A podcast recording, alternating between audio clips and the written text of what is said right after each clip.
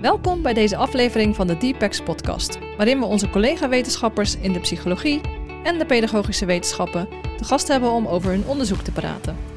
Mijn naam is Kimberly Brevaart en ik ben wetenschapper organisatiepsychologie aan de Erasmus Universiteit Rotterdam. Samen met mijn collega Diane Perché host ik deze podcast. Ik ben Diane Perché en ik werk als wetenschapper cognitieve psychologie aan de Erasmus Universiteit Rotterdam. Vandaag hebben we een speciale aflevering van de Deepex podcast. En ten eerste omdat ik vanaf vandaag een nieuwe co-host heb, namelijk mijn collega Diane Perché. Diane is professor in de cognitieve psychologie en is al eens eerder te gast geweest in deze podcast. En ik heb even zitten rekenen, Diane, en wij kennen elkaar al meer dan 14 jaar. Mhm. Ik denk eigenlijk al nog langer. Misschien wel, wie weet. Ik heb goede herinneringen aan de tijd dat wij met een klein eh, clubje psychologen ons kantoor hadden op de twaalfde verdieping van ons gebouw. Ehm, en inmiddels zijn we zo gegroeid dat we allebei op een andere verdieping zitten. Dus ja, superleuk dat we weer eens wat eh, vaker elkaar gaan zien eh, nu we samen de podcast draaien.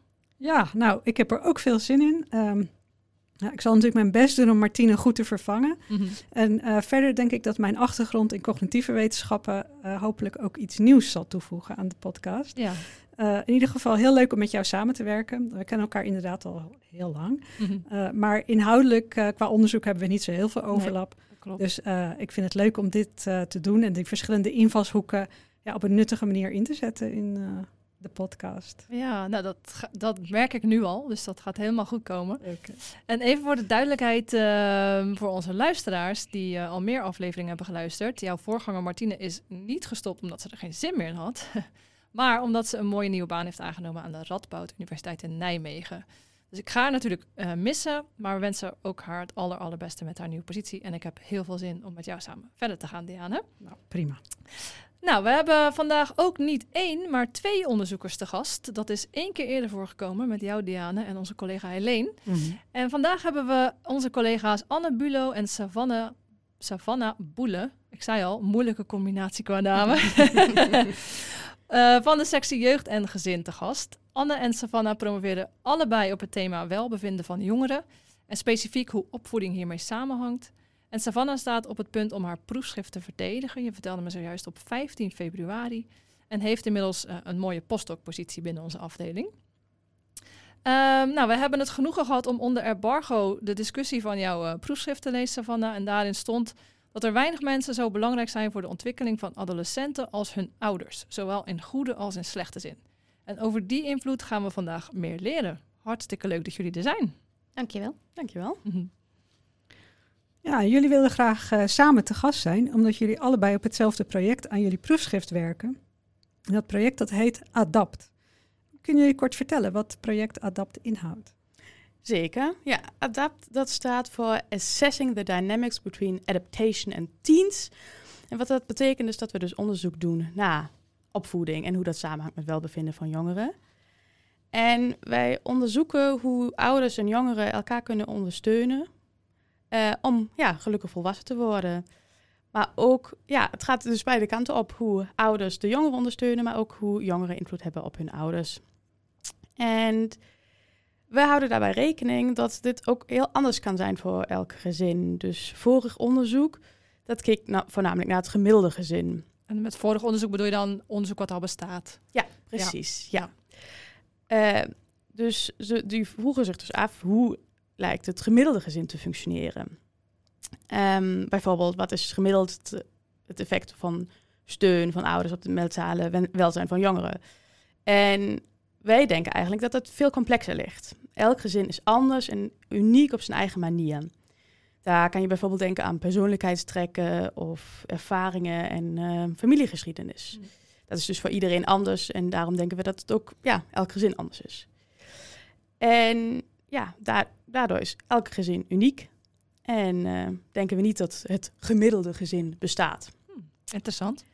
Uh, daarnaast uh, kijken we ook naar het verschil tussen korte termijn en lange termijn effecten. En we denken niet dat het voor elke voor elke tijdschaal hetzelfde is.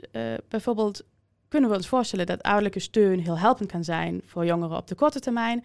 Maar op de lange termijn veel steun misschien ook uh, kan zorgen dat jongeren zich niet lekker voelen en niet leren omgaan met tegenslagen en hun veerkracht ondermijnt. Oh ja, de, de curlingouders waar je tegenwoordig veel over hoort. Misschien. Ja, precies. Daar doen we ook op het moment onderzoek naar. Ah.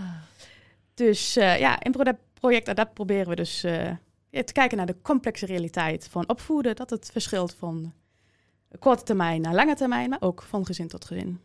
Nou, mooie, mooie uitdaging. Um, en fijn ook om uh, in die uitdaging niet alleen te staan. Uh, ik heb tijdens mijn eigen promotietraject daar jaren geleden ook samengewerkt met een, uh, een andere PhD-student. maar jullie hebben ook echt samen gepubliceerd. En zo'n samenwerking tijdens een promotietraject zie je eigenlijk niet vaak. Kunnen jullie kort wat vertellen over hoe dat in zijn werk gaat? Ja, klopt. Dat, dat zie je niet zo vaak. Vanaf het begin van het onderzoeksproject is er afgesproken dat we niet alleen samenwerken met het verzamelen van de data, mhm. maar ook dat we mogelijkheden hebben om met elkaar mee te schrijven. En ik heb dat heel leuk en heel waardevol gevonden, want je leert er heel erg veel van. Ja. Je ziet hoe iemand het anders het aanpakt. Uh, je leert ook feedback geven op de ander. Je leert hoe het is om verschillende projecten al te managen in je agenda, want je hebt niet alleen je eigen werk. Mm. En samen leer je natuurlijk veel meer dan in je eentje. Ja, zeker. Ja, dat klopt. Ik vond het ook altijd heel erg leuk om met Savannah samen te werken. Daarom zitten we natuurlijk nu ook met z'n tweeën. Mhm. En ik hoor ook heel vaak van andere PhD-studenten dat het ook heel eenzaam kan zijn. Zo aan je eigen mm. projectje te werken en ook tijdens corona helemaal thuis in je eentje. Maar dat heb ik nooit zo ervaren, want met Savannah had ik toch altijd iemand om mee te sparren. En ik toch over dezelfde vragen na en lopen tegen dezelfde problemen aan. Dus dat is wel heel leuk om daar altijd iemand uh, te hebben en uh, af en toe... Uh, neem ik de leiding in een project en af en toe doet dat Savannah. En zo leren we altijd uh, van elkaar. Mooi, ja, echt het team science zoals, zoals je dat nu veel ziet natuurlijk. Ja, zeker. Ja, en uh, innovatief aan jullie onderzoek is dat jullie uh, fluctuaties in opvoeding binnen hetzelfde gezin over de tijd onderzoeken. En daarbij kijken jullie naar dagelijkse interacties tussen ouders en adolescenten. En jullie volgen die over de tijd. En jullie gebruiken hiervoor de zogeheten experience sampling methode. Wat houdt dat precies in? Ja, de experience sampling methode, of kort ESM, dat uh, is mhm. wat makkelijker, houdt in dat we onze participanten in het moment dat er iets gebeurt vragen hoe ze dat beleven. En dat doen we door hele korte vragenlijsten op hun mobieltjes te sturen. Dus dan, uh, als ze hun ouders hebben gezien, vragen we aan adolescenten: Hey, hoe was het eigenlijk om je ouders te zien? Was het leuk? Maakten jullie ruzie? voel je je nu in dit moment? Oh, en, ehm, en hoe, uh, hoe weet je dan uh, dat ze hun ouders net hebben gezien? Dat weten we niet helemaal. Dus we, uh, we hopen, we vragen ze op meerdere momenten en vragen ze of, of het, ze het gezien hebben. En hopen dat we geluk hebben dat het een keertje voorkomt.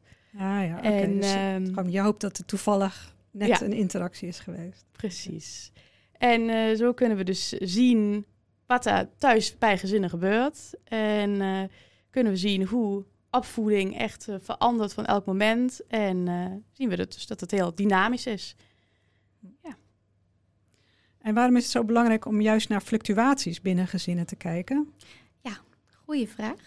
Uh, we gaan ervan uit dat dit een goede manier is om te begrijpen hoe opvoeding werkt. En dat het ook een goede manier is om onderzoeksresultaten te vertalen naar advies voor gezinnen. En er is eigenlijk een heel intuïtief voorbeeld dat dit duidelijk maakt. Uh, veel psychologisch onderzoek vergelijkt eigenlijk mensen met elkaar. Dus als je bijvoorbeeld wilde weten hoe typsnelheid en het aantal typfouten samenhangt, kan je mensen bijvoorbeeld vergelijken op typsnelheid en typfouten. En waarschijnlijk kom je dan tot het resultaat dat degene die sneller typen, gemiddeld gezien minder typfouten maken. Want dat zijn namelijk degenen uh, die dit al goed kunnen. Dus die maken minder fouten en zijn sneller. Maar als je dit zou vertalen naar advies, zou dat waarschijnlijk niet echt helpen. Uh, je wilt minder typfouten maken, nou, dan gaan we dan maar eens even sneller typen. Ja. Maar als we een persoon meerdere keren laten typen, dus als we kijken naar die fluctuaties en elke keer meten hoeveel fouten die persoon maakt, uh, dan zie je waarschijnlijk een ander patroon.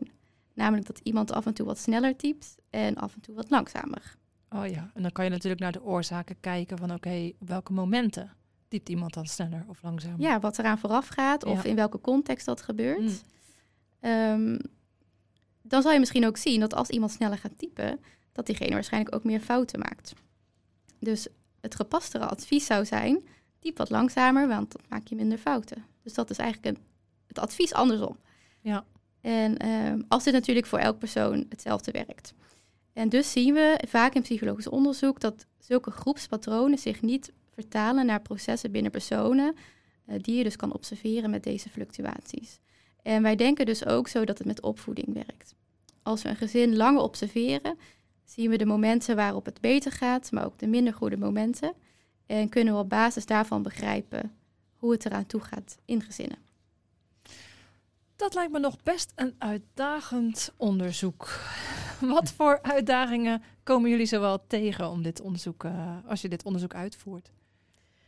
Ja, eh, het is onderzoek met jongeren is altijd uitdagend. maar um, het is natuurlijk vooral uitdagend omdat we altijd dezelfde vragen stellen. Keer op keer op keer. En in mijn onderzoek hebben we dat tot en met uh, 100 keer achter elkaar gedaan. je bedoelt dan elke dag stel je dezelfde elke vragen? Elke dag dezelfde vragen. 100, keer. keer uh, dus dat vinden veel mensen ook heel saai. Dat snap ik. maar alleen maar zo kunnen we natuurlijk vergelijken de, de dagen met elkaar vergelijken. Ja. Dus uh, kunnen zien uh, wat zijn de dagen wat beter gaat met jongeren. Ja. Um, en dus als we dit soort onderzoek doen, moeten we natuurlijk vooral erop letten dat we jongeren blijven motiveren. En in die ja. studie waar we dat honderd dagen lang hebben gedaan, hebben we ook echt van tevoren heel goed gekeken van wat doen we om jongeren te motiveren. En wat we gedaan hebben is ze natuurlijk ook geld gegeven voor hun deelname om hun ze te bedanken. Maar ook hebben we daarbij stilgestaan dat we uitleggen waarom is het belangrijk. Um, echt erop in hebben gezet om een persoonlijk band op te bouwen. Ze echt ook feedback gegeven over hun eigen antwoorden. Dat ze echt ook iets kunnen leren over zichzelf. En we hebben ook ervoor gezorgd om het echt leuk te maken. Om memes te sturen, om het echt een beetje op te vrolijken. Dat er ook voor jongeren iets in zit. En we hopen daardoor dat we het ook voor jongeren echt een zinvolle ervaring maken. Dat ze ook er zelf iets uit kunnen halen. En dat we uh, zo ook iets terug kunnen geven aan de maatschappij. En uh, we hebben dat natuurlijk niet allemaal zelf uh, bedacht, maar ook jongeren echt gevraagd van... hey, hoe, hoe, hoe zou je het willen doen? Oh, en daar hebben we heel veel van geleerd. Ja, want wat, wat, wat geven ze dan bijvoorbeeld voor antwoorden? Heb je daar een voorbeeld van?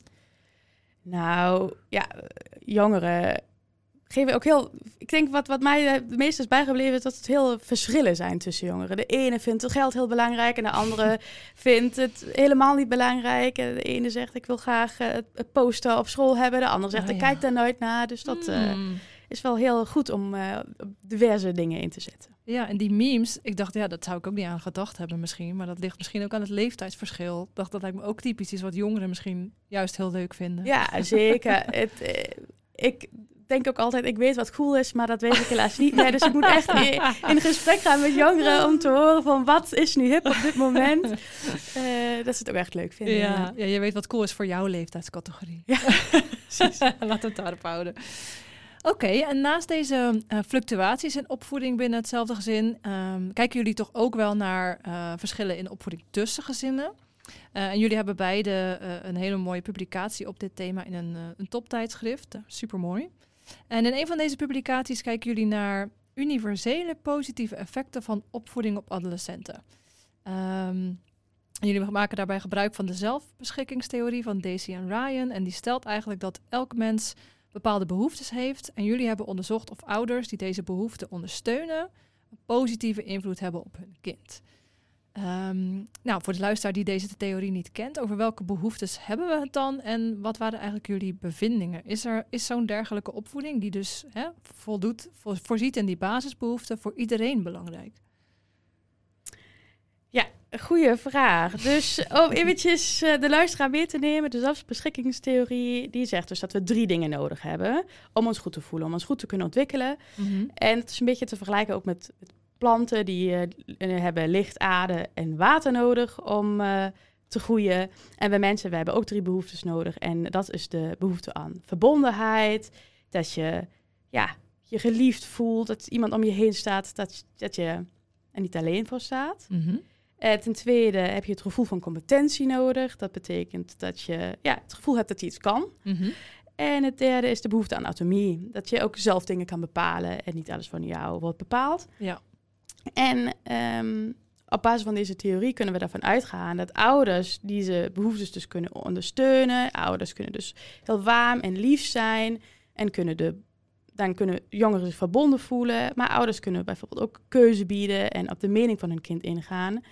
Eh, en dat noemen we dan autonomieondersteuning. En dan voelen zich kinderen heel autonoom. Ehm, en de theorie zegt dus dat iedereen het wel nodig heeft om te kunnen groeien. En daarvoor, daarvan gaan we dus uit dat het dus voor iedereen op de hele planeet zou moeten werken.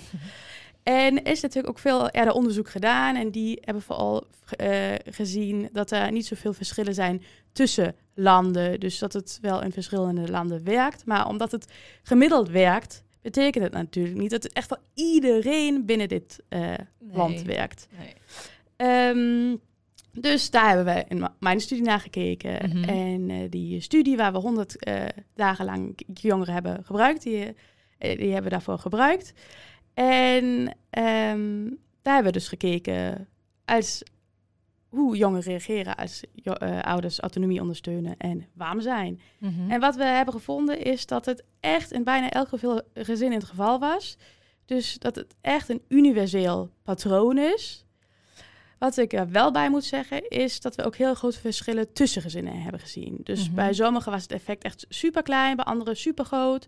Dus oh, onze conclusie is: het werkt voor iedereen, maar voor sommigen toch wel meer dan voor anderen. Oké, ja. Dus de theorie is in principe eh, universeel toepasbaar, maar voor sommigen werkt het toch nog net iets beter dan voor anderen. Precies, ja.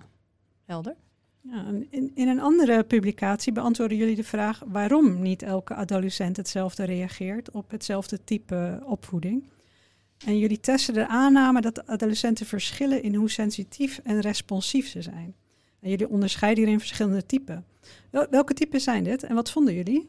Uh, zijn er verschillen in hoe sensitief adolescenten zijn?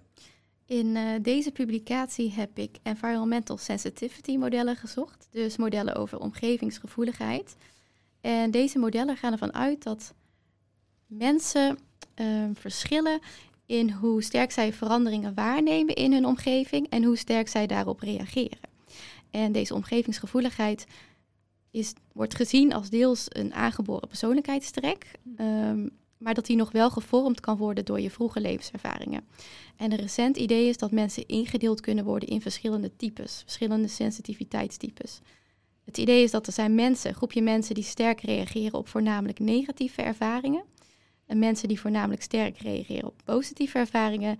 Mensen die sterk reageren op beide. Uh, dus zowel positief als negatief.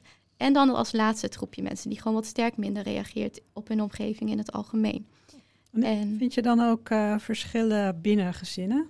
Tussen, tussen adolescenten, hebben jullie daarnaar gekeken? Binnen hetzelfde gezin. Ja. Zover uh, hebben we nog niet gekeken. We hebben meestal in onderzoek hebben we nu gewoon één diade gepakt. Dus één ouder en één kind of één puber binnen hetzelfde gezin. Maar ik denk zeker dat ook kinderen verschillen ook in hun persoonlijkheid binnen hetzelfde gezin. Dat merk ik ook met mijn twee eigen kinderen.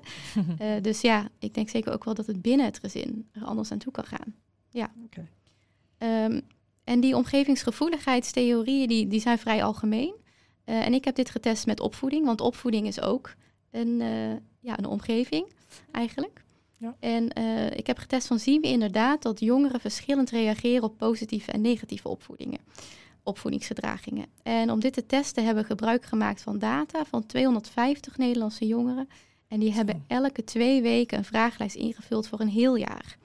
Dus in totaal hebben we 26 keer dezelfde vragen gesteld. Wauw, ik ben echt onder de indruk van de data die jullie verzamelen. Wauw. Het is vrij intensief, ja, dankjewel. Ja. Uh, en doordat we dus elke jongere 26 keer hebben gemeten, konden we dus ook echt kijken hoe elke individuele jongere reageerde op deze twee wekelijkse verandering, zowel positieve als uh, negatieve opvoeding. Um, dus met positieve opvoeding heb je bijvoorbeeld affectie. Dus als Peter bijvoorbeeld meer affectie ervaarde van zijn ouders, zat hij dan twee weken later ook beter in zijn vel. Hm. En zat hij bijvoorbeeld minder goed in zijn vel, voelde hij bijvoorbeeld meer depressieve symptomen als hij zich minder gerespecteerd voelde door zijn ouders. En minder gerespecteerd voelde zou dan een negatieve opvoeding kunnen betekenen in dat moment. En mijn resultaten lieten inderdaad zien dat jongeren verschillend reageren. Uh, sommigen leken vooral te reageren op, op die negatieve gedragingen, anderen op de positieve gedragingen, anderen weer op beide. Uh, maar we vonden ook jongeren die helemaal geen veranderingen waarnemen in het gedrag van ouders. Dus over het hele jaar eigenlijk in elke vragenlijst, elke twee weken hetzelfde antwoord gaven op het gedrag van hun ouders. Dus onze resultaten bevestigen eigenlijk deze theoretische ideeën over deze omgevingsgevoeligheid. Jongeren verschillen van elkaar hoe sterk zij veranderingen waarnemen in het gedrag van hun ouders. En als zij die veranderingen waarnemen, verschilt het ook nog eens in hoe sterk zij erop reageren. En deze resultaten zijn dus belangrijk, want het toont dat elk gezin anders is, dat er in elk gezin er anders aan toe gaat. En niet iedereen reageert dus even sterk op hetzelfde gedrag. Ja, interessant. En hebben jullie dan ook al inzicht in, in wat voor type jongeren dan sterker reageren op bijvoorbeeld die negatieve of positieve gedragingen van ouders, die daar sterker worden, door worden beïnvloed? Kan je die op een bepaalde manier karakteriseren, die jongeren? Uh, ja, ik denk dat wat we tot nu toe hebben gevonden, is we hebben ook gekeken, uh, die omgevingsgevoeligheid, dat kan je ook gewoon meten. Dat wordt dus ook gezien mm -hmm. als een trek. Ja. Dus dat hebben we gewoon eenmalig met de vragenlijst gemeten. een trek bedoel je een persoonlijkheidstrek? Ja, een persoonlijkheidstrek. Ja, ja. trait, hoe we dat dan in het Engels zeggen. Mm -hmm. En daarin zien we wel dat de jongeren die dus hoger scoren op deze persoonlijkheidstrek, omgevingsgevoeligheid, dat die ook meer uh, sterkere veranderingen waarnemen in hun ouders. Dus ze lijken zich eigenlijk bewuster te zijn dat hun ouders veranderen in gedrag. En dat, oh ja. dat, dat rapporteren ze ook. En ook in een andere studie heb ik ook gevonden dat adolescenten die hoger scoren op neuroticisme, dus dat is een andere persoonlijkheidstrek, dat is emotionele instabiliteit.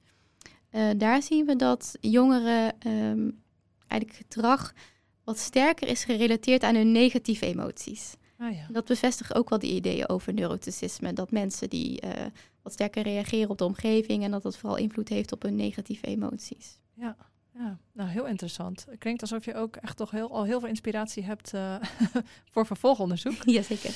Uh, een andere interessante vraag die jullie bezighoudt, waar hadden jullie het in het begin eigenlijk ook al over, is hoe snel die effecten van opvoeding dan plaatsvinden. Hè, hoe lang duurt het voordat opvoeding werkt? Wat laten jullie onderzoek zien? Is dat een paar uur, een week, maanden, jaren? Ja, goede vraag. we weten het nog niet helemaal, mm -hmm. want uh, we hebben ten eerste, vooral Savannah is de enige doken in de literatuur en hebben gekeken wat weten we überhaupt. En ja. wat we weten is eigenlijk voornamelijk hoe opvoeding op dagelijks niveau uh, werkt, mm -hmm. uh, of hoe het over jaren gaat. Dat er okay. studies zijn die elke jaar uh, gemeten hebben hoe opvoeding en welbevinden werkt. Dus heel korte of heel lange termijn? Precies, heel kort ja. of heel lange termijn. Wat er allemaal ertussen gebeurt, dat weten we eigenlijk nog niet zo goed. Mm -hmm.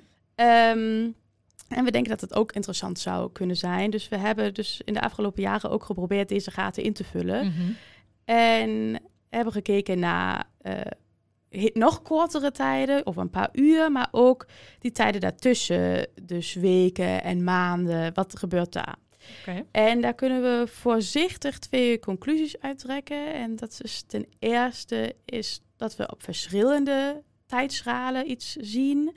Dus een heel klein effect zie je ook al na drie uur. Maar juist op deze vergeten tijdschalen, die weken en de maanden, zien we dat het heel belangrijk kan zijn voor opvoeding. Dat juist dan um, effecten ontstaan. Mm -hmm. En dat betekent dus dat één keertje een ruzie maken, dat maakt niet zo'n groot effect.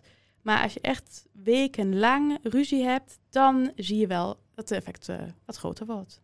Oké, okay, ja. Nou, klinkt, uh, klinkt logisch. Hè? Als je een keer een ruzietje hebt, dat leg je dan bij en dan is het er weer voorbij. Maar als je vaker ruzie hebt, dan op een gegeven moment word je toch een beetje depressief van of verdrietig. Ja, ja of, precies. Ja. Ja, het is ons uh, ook opgevallen dat jullie echt gecommitteerd zijn aan open science. En uh, jullie pre-registreren jullie studies. En we zagen dat jullie er zelfs een prijs voor hebben gekregen. Gefeliciteerd. Ja, nog gefeliciteerd. Ja, dankjewel. en kunnen jullie iets vertellen over het belang daarvan? Ja. Ik denk, net als vele anderen, denken wij dat open science tot een betere en transparantere wetenschap leidt. Want wetenschappers zijn ook maar mensen en we zijn ook blij als onze verwachtingen uitkomen. Ja, toch wel. en in het verleden uh, kwamen dit soort bevindingen die dan uh, ja, je verwachtingen waarmaken. Dit soort bevindingen kwamen dan vooral in tijdschriften. Die werden ja. dus vooral gepubliceerd. Maar wat je eigenlijk wil, is dat het meer objectief is. Dus je stelt van tevoren een hypothese op. Wat verwacht je? Hoe ga je dat toetsen? En dan krijg je een eerlijke antwoord. En daarvoor is pre-registratie in het leven geroepen. We schrijven van tevoren onze verwachtingen op en hoe we dit gaan toetsen, hoe we dit onderzoeken.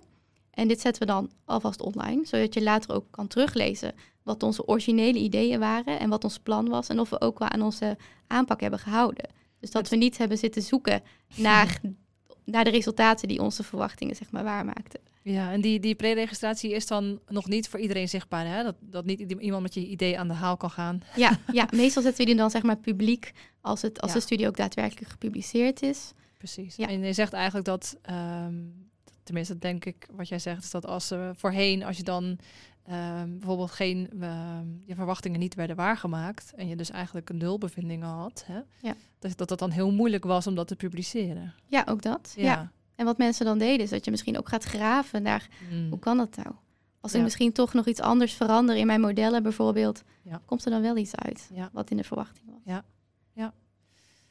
Ehm, maar naast dit ja, zie ik ook een groot voordeel voor mezelf. Eh, ik denk dat het aan het begin ook heel goed is als je alvast nadenkt over wat je wil weten en hoe kan ik dat nou goed onderzoeken. Eh, dus als je ook de data gaat analyseren, dan gaat het heel snel, want je hebt al een plan eh, helemaal opgesteld en daar ga je dan aan houden. En zo zorg je er ook voor dat je niet eindeloos heen en weer blijft gaan, zo- ja, totdat de uitkomsten eindelijk zijn zoals je verwacht. Dat vind ik ook een mooi, eh, mooi inzicht eigenlijk, omdat je ook wel mensen hoort die, en misschien dat ik daar zelf ook wel bij hoor, als ik eerlijk ben, die dan denken, ja, het is nog meer werk voordat je begint. Maar eigenlijk zeg jij, dat werk aan het begin zorgt dat je minder werk hebt along Ja. the way. Of ja, je wint, het, moment. je wint het Ja. eigenlijk terug. Ja. Maar je doet het op een ander moment. Maar dan moet je wel eventjes aan wennen. Ja, ja, Ja. dat is het. Ja. Voelt als een extra taakje, maar uiteindelijk eh, eh, helpt het je wel. Ja. Precies. Dus niet alleen voor open science in het algemeen, maar ook voor jezelf. Ja. Mooi. Ehm, ja, het komt in jullie onderzoek meerdere malen terug, hè? het belang van jullie onderzoek voor de praktijk. Eh, jullie hebben het over opvoeding, nou, daar krijgen heel veel mensen mee te maken. Eh, en jullie hebben het er bijvoorbeeld over dat veel ouders op zoek zijn naar informatie over goed ouderschap. Hè? Wanneer doe je het nu goed als ouder? En op basis van al het verschillende onderzoek dat jullie hebben gedaan, zouden jullie al drie maximaal tips kunnen geven voor ouders, opvoeders, onderzoekers, eigenlijk ja, wie er maar ehm, een belangrijke stakeholder is van jullie, eh, van jullie onderzoek. Ja, moeilijk. dat is echt Oké, moeilijk. minimaal één. Nou, eentje lukt me wel. Oké. Ehm, Savannah en ik, we zijn natuurlijk allebei ou- ook zelf ouders. Nog Mhm. geen pubers, dat eh, gaat nog komen. Maar we zien nu toch ook al dat in de praktijk het allemaal een beetje rommeliger is dan eh, echt in de boeken staat. Mhm. Dus eh, vind ik het altijd moeilijk, moeilijk om advies te geven. Mhm. Maar wat ik uit mijn onderzoek, echt, van mijn eigen opvoedervaringen eruit haal, is dat er dus echt super grote verschillen zijn tussen gezinnen. Mhm. Dat je niet zomaar daarvan uit kan gaan dat, het, eh, dat alles hetzelfde is. En dat is denk ik ook de reden waarom ik ook elke ouder zou adviseren. Maak je niet gek als je ziet dat het bij de buurvrouw of je schoonzus anders gaat. Het is heel normaal dat het bij iedereen anders werkt. En dan moet je ook niet vergelijken en denken, ik moet het zo doen als uh, zij het doen. Dus uh, weet je, ontspanning, Oh, ja. denk ik. Maar Ja. misschien kan Savannah nog meer uh, advies geven. dat vind ik al een mooi advies. Want dat hoor je natuurlijk vaak, hè? Dat ouders van alle kanten eh, advies krijgen over hoe het zou moeten. Ja, Omdat het precies. bij een ander zo ging. Ja, ik denk Ja. er is ontzettend veel algemeen advies eh, al die jaren al opgesteld. Eh, maar wat anders zijn, daar ben ik natuurlijk helemaal mee eens. maar ja, het kan een- ook een hele puzzel zijn om uit te vinden wat, wat nou precies werkt voor jouw specifieke kind. En nou, die puzzel hebben wij dus ook als wetenschappers nog lang niet opgelost. Eh, maar dan zou ik toch nog wel misschien twee tips mogen meegeven. En de eerste is eh, eigenlijk meten is weten. En deze tip geldt misschien eigenlijk vooral voor onderzoekers, maar ook voor professionals. Dus als je wilt weten hoe het er in een specifiek gezin eraan toe gaat, ja, dan moet je dat meten. En ga er niet vanuit dat gezinnen hetzelfde werken, ook al lijken ze misschien in heel veel opzichten op elkaar. Mhm. En misschien ook zelfs inderdaad dat binnen hetzelfde gezin nog met verschillende kinderen er anders aan toe gaat. Dat kan ook nog. En ja, elk gezin en misschien zelfs elk kind heeft waarschijnlijk zijn unieke recept en gaat met een unieke manier met elkaar om, wat ook weer kan veranderen over tijd. Dus het is eigenlijk gewoon heel belangrijk dat ook elk gezin begrepen wordt. Eh, en dat het misschien, ja, meten is weten. Daarmee komen we misschien al een hele stap verder. Ja, mooi. En mijn andere tip zou zijn voor ouders is ook wat we al hebben besproken over eh, de verschillende tijdschalen. Is niet alles werkt meteen. Mm. Soms heeft het ook even tijd nodig dat eh, wat je doet, dat dat effect heeft. Bijvoorbeeld eh, ja, je kind eenmalig een compliment geven. Doet waarschijnlijk nog niet zo heel veel voor het zelfvertrouwen van je kind. En is het Mhm. nodig om dit regelmatiger te doen. Ja. Maar het goede nieuws is ook wat we hadden gezegd. Van, ja, dit geldt misschien ook waarschijnlijk voor de, de minder leuke dingen. Dus één keer een, Ja. een ruzie, een conflict heeft niet meteen grote gevolgen voor de ontwikkeling van je kind. Daarnaast kunnen ook nog eh, korte en lange termijn effecten verschillen. Eh, dus bijvoorbeeld, nou ja, eh, je puber regelmatig helpen met huiswerk lijkt misschien een goed idee op de korte termijn. Dan krijg je een vrolijkere puber voor terug. Die is daar blij mee. Eh, maar ja, het kan er ook voor zorgen dat ze niet genoeg vaardigheden ontwikkelen om hun vervolgopleiding bijvoorbeeld helemaal zelf af te ronden. Wat misschien weer een opeenstapeling van ja, negatieve lange termijn gevolgen kan hebben. Dus ik zou misschien zeggen, streef groei na en niet enkel makkelijke korte termijn winst als ouder. Mooie tips. Dat zijn toch bij elkaar eh, eh, drie mooie tips, zou ik zeggen. Ja, zeker. Ehm, ja, nou, eh, we sluiten altijd af met de vraag of eh, onze gasten zelf nog een tip hebben voor een leuke podcast. Eh, en dat mag van alles zijn, hoeft niet per se te maken hebben met wetenschap of met jouw onderzoek. Maar het mag natuurlijk ook. Maar wat, wat luisteren jullie zelf graag? Ik ben eh, een grote podcastfan. Dat zei ik al net in de voorbespreking. Wandelen, koken, altijd met een leuk verhaaltje op mijn oor. Eh, ik luister niet zoveel naar wetenschapspodcasts, maar meer naar de persoonlijke verhalen. Dus Mm. echt fantastisch vind ik daar die Nederlandse podcast documenteren over Bob. Of de Engelstalige podcast Heavyweight. Ja, ik luister ook liever naar grappige, niet info- informatieve shows, zodat ik niet te veel hoef te na te denken. Eh, er is ook eh, een, een podcast die, is, die doet volgens mij niet zo heel veel eh, uitzendingen meer, maar die is voor de show. Dat is met twee stand-up comedians. Daar kan ik altijd wel heel erg hard om lachen. En Mark, Marie en Isa vinden iets. Dat vind ik ook een hele gezellige podcast om naar te luisteren op de terugweg van werk. Om eventjes uit te checken, even uit te zoomen. Dat is denk ik ook belangrijk. Zeker. Ja, absoluut. Dus jij zit, jij zit lachend. in de achter het stuur. Ja. Al je werk vergetend achter je laten. nou, mooie tips. Ik ken ze allemaal niet, dus eh, ik ga er eens even in verdiepen. ja, zeker. Maar eh, ja, nou, we zijn alweer aan het einde gekomen. Dus ik wil jullie hartelijk bedanken voor jullie komst en voor dit interessante gesprek. Ik heb er veel van opgestoken. Jullie ook heel erg bedankt. Was Ja, leuk. Heel erg bedankt. En heel veel succes natuurlijk met je verdediging eh, op 15 februari. Ja, dankjewel. Spannend. Eh, we zien jullie eh, graag nog eens een keer terug. En we willen ook alle luisteraars weer bedanken voor het luisteren naar deze aflevering van de Deepex podcast. Deze podcastaflevering en andere afleveringen vind je op je favoriete podcastplatform. En je kan ook op de hoogte blijven door ons te volgen via LinkedIn.